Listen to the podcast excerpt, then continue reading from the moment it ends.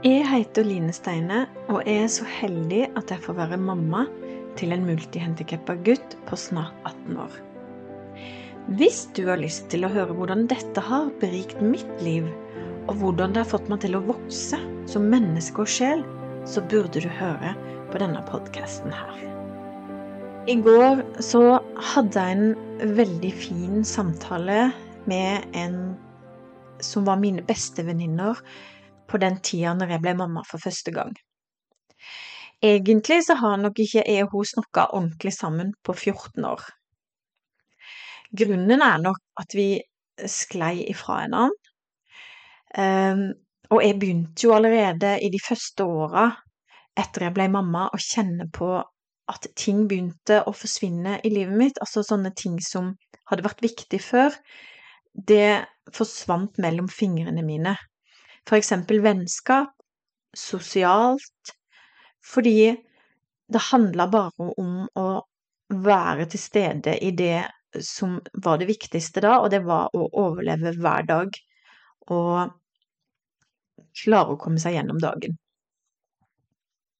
En grunn til at jeg og hun også mista litt kontakten, det var det at Og det snakka vi om i går, så dette var en veldig fin samtale det var det at hun sa til en annen venninne at kanskje det beste eh, for meg hadde vært hvis min sønn døde. Så, hun tenkte i sin hjerne at kanskje jeg ville få det bedre hvis, hvis han døde. For meg så ble det veldig sterke ord, og det ble veldig vanskelig å ta inn over meg de, den ytringen som hun da hadde sagt til en annen venninne. Fordi jeg hadde ikke forståelse for det, og jeg ble veldig lei meg, og jeg ble veldig skuffa. Um, ehm, og i går så snakka vi om det. Uh, og min forståelse for dette i ettertid har jo vært at hun tenkte mitt beste. Hun som venninne syntes synd på meg, for hun så at jeg sto i vanskelige ting. Hun så at uh, at jeg var sliten. Eh, og derfor tenkte hun mitt beste som min venn. Eh, og det er helt forståelig.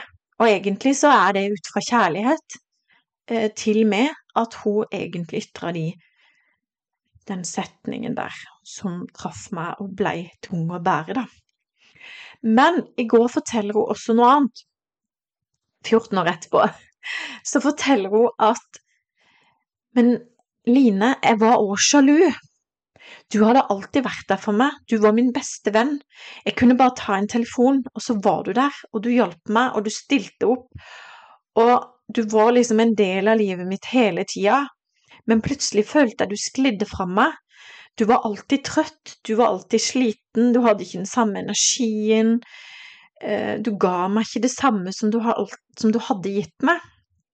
Og det kan hende at det var òg sjalusien som snakka, og omsorgen for du. Og hun sier jo sjøl at jeg er veldig lei meg for det at jeg sa de tinga, men så sier jeg nei, ikke ha anger på det, fordi at det er sagt, og det er bearbeida både for meg og for du. Og vi har begge forståelse nå hvorfor de orda ble ytra, så det er helt greit. Det er helt greit. Altså, vi har gått videre, det er tilgitt. Eh, men det er veldig fint å kunne snakke om det så mange år etterpå, når det er på avstand og det ikke ligger sånn følsomt i kroppen og latent lenger. Så er det veldig fint å kunne reflektere over det. Så det ble faktisk en veldig fin samtale. Eh, så fra det så var det jo det at hun sa at hun følte at jeg var sliten og trøtt hele tida. Og i alt dette så skulle jeg da begynne å jobbe. Jeg skulle da tilbake til jobben, som egentlig var min drømmejobb. Jeg var ferdig med utdannelsen som barnehagelærer, og endelig skulle jeg begynne å jobbe. Um, og for å si det sånn, det gjorde meg jo ikke mindre Det tok jo ikke akkurat og fylte på energien at du da skulle fungere i jobb. Men det som det gjorde, det var egentlig at jeg fikk et etterlengta pusterom, for tankene mine fikk pause. For det, når jeg da kom opp i den barnehagen, inn på min avdeling, min sønn var på en annen avdeling, jeg lukka den døra, og jeg var til stede for de barna. så klarte de barna å gi meg en pause i tankekjøret mitt, fordi at jeg måtte være til stede. Du kan ikke sitte der og, og smake på teen eller smake på den gode kaka barna har lagd i en eller annen lekesituasjon, og så tenke på masse annet, for det ser barna med en gang. Så der og da så drar de deg ut av tankene dine, og så tar de deg i nuet. Og det er jeg veldig takknemlig for, for det redda nok ganske mye. Så for noen stakkars timer, når jeg var der, så klarte jeg å koble av. Og når jeg da kom ut der på kjøkkenet, for eksempel, eh, så var vi jo i fellesområdet. Og da kunne gutten min sitte på kjøkkenet, og da gikk jeg i alarmberedskap igjen med en gang. Da så jeg han, da kom tanken og frykten og alt tilbake. Eh, observasjonen satte seg inn, kontrollen kicka inn, jeg, jeg, så hva bevegelse han gjorde, jeg så hva som skjedde, jeg la øynene hans, var han på vei inn i et anfall, hadde han det bra, var han til stede, altså alle de tinga ble bare, alle alarmknappene gikk da på, jeg var i fight-flight på et nanosekund. Og da husker jeg spesielt en gang jeg kom inn på kjøkkenet, og han sitter og spiser eplebidder eh, som var kutta opp som la i en skål, for det var noe vi øvde veldig mye på i den tida. Det var det pinsettgrepet som han var veldig god på når han skulle plukke opp små ting. Eh, og jeg husker jeg tenkte idet jeg kikka på den tallerkenen, så tenkte jeg at de eplebiddene er for store. Men så tenkte jeg nei, nå må du bare ikke være så veldig løvemamma, og så må du bare la det gå. Og fordi at jeg var også redd for å såre som sitter ved siden av min sønn og jobber med han, for alt var veldig sensitivt. Alt, det lå mye nerver og dirra imellom her, fordi at de var redd for å gjøre noe galt, de merka at jeg var på hugget. Jeg var redd for å, å, være for kontrollerende mamma og for irriterende. Eh, jeg skulle vise at jeg var pedagog og gjorde jobben min, og at, at jeg kunne stå i det. Eh, og det som da skjedde, var at idet jeg står ved kjøkkenbenken, så hører jeg Oi! Jeg hører på pusten. Og så hørte jeg jo de sa Han sitter i halsen. Og når jeg da snur meg, så begynner da barnet mitt og Du ser han sliter, øynene er stressa, de utvider seg, de blir store, han får ikke luft. Og det ender i hvert fall med at vi holder den lille gutten opp ned i beina så kan man jo gå inn masse sånne førstehjelpsgreier, det var sikkert ikke riktig greie, men i panikksituasjoner så handler man bare ut etter forskjellige ting, og det var det de da gjorde, og eh, den her kom i hvert fall ut, den eplebidden. Og da kan jeg gå, i ettertid kan jeg tenke, hvorfor sa jeg ikke ifra? Eh, men da var jeg for Jeg var for streng med meg sjøl, rett og slett, og jeg tenkte ikke hans sitt beste. I dag så har jeg heldigvis kommet så langt at min intensjon er Jonathan sitt beste. I dag hadde jeg sagt ifra. Jeg hadde sagt, vet du hva, de eplebitene er nok for store. De, eh, de vil han ha problemer med å svelge, og han kan sette de i halsen. Så man lærer jo hele livet, da. Og læringskurva har jo vært både bratt og slak til tiår.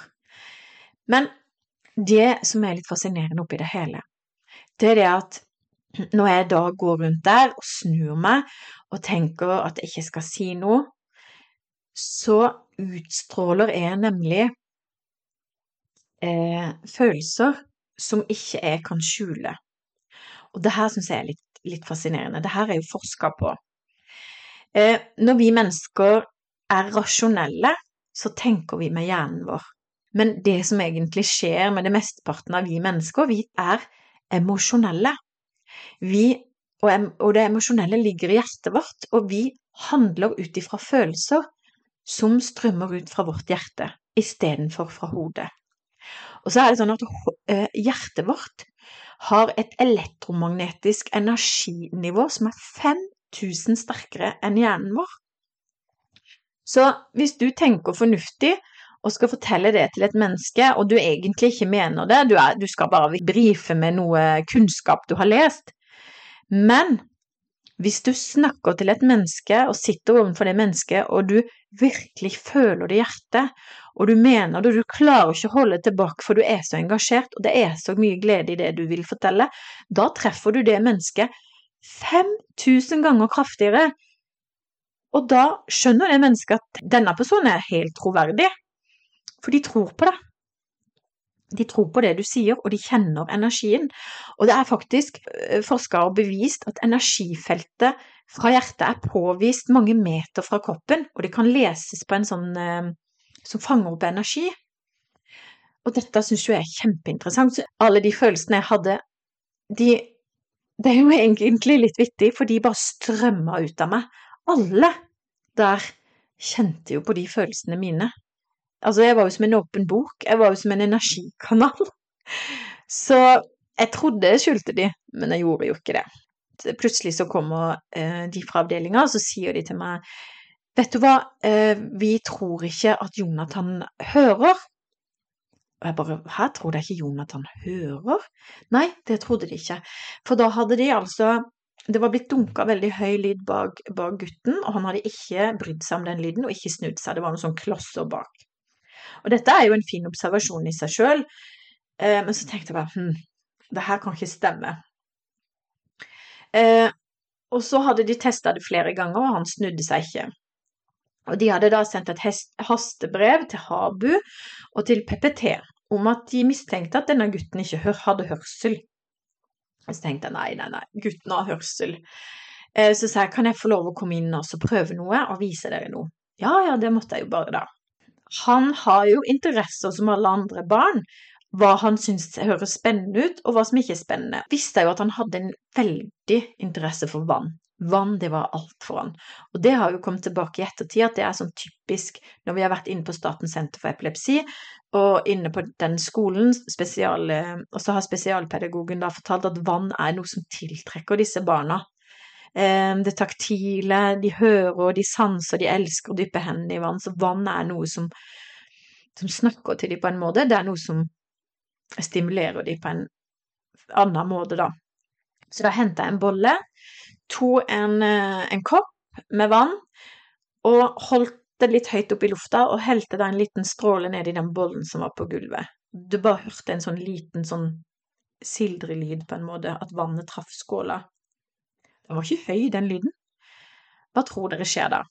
Gutten snur, stopper først opp, lytter og snur seg med en gang rundt for å se på dette vannet. Det var jo ikke tvil om at gutten hørte, det var bare hva vil du? Hva ville han høre, og hva interesserte han? Så bare det er jo egentlig litt fint, fin, en fin oppdagelse. Um, nå tenkte jeg det at i neste episode så skal jeg snakke litt om uh, hvordan det er å havne i den jungelen av lover og regler når hodet ditt er tåkete og overskya, og du må holde hodet kaldt, og du må skrive søknader, du må skrive klager, du må uh, ha kontakt med Fylkesmannen, Nav. Um, så det skal du få høre om i neste episode.